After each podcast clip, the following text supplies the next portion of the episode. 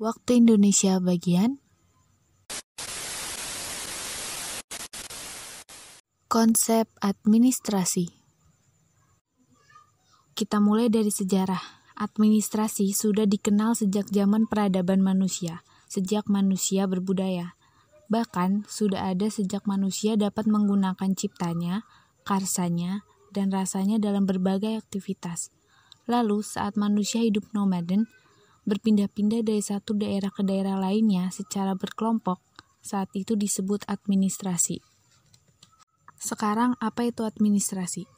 Secara etimologis, terdiri dari ad yang artinya intensif dan minister yang berarti melayani, membantu, memenuhi, atau mengarahkan.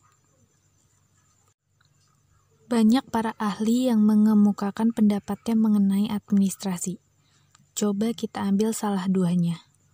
Pertama, Henry Fayol, pakar manajemen Prancis yang mengemukakan administrasi adalah fungsi dalam organisasi, yang unsur-unsurnya terdapat perencanaan, pengorganisasian, pemberi perintah, pengkoordinasian, dan pengawasan. Dan kedua ada Sondang Siagian mengatakan bahwa administrasi adalah keseluruhan proses pelaksanaan daripada keputusan yang telah diambil, dan pelaksanaan itu pada umumnya dilakukan oleh dua orang manusia atau lebih untuk mencapai tujuan yang telah ditentukan sebelumnya. Kita ringkas dengan bahasa bayi. Administrasi itu seputar catat mencatat, ketik mengetik, surat menyurat, atau pembukuan ringan. Kita perluas dengan adanya kelompok manusia yang terdiri atas dua orang atau lebih, adanya kerjasama, adanya kegiatan atau proses, atau usaha, adanya bimbingan kepemimpinan, adanya tujuan yang telah disepakati.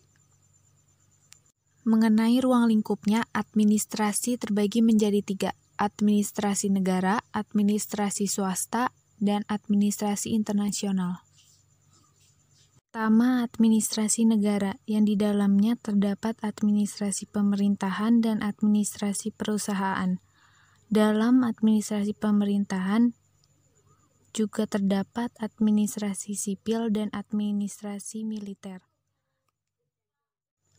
Dan pada administrasi sipil terdapat departemen dan non-departemen. Sedangkan dalam administrasi perusahaan terdapat perusahaan negara. Kedua, administrasi swasta, yang di dalamnya terdapat administrasi niaga dan administrasi non-niaga.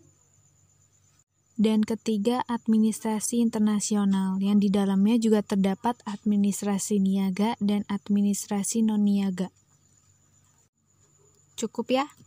Oke, jam berapa sekarang?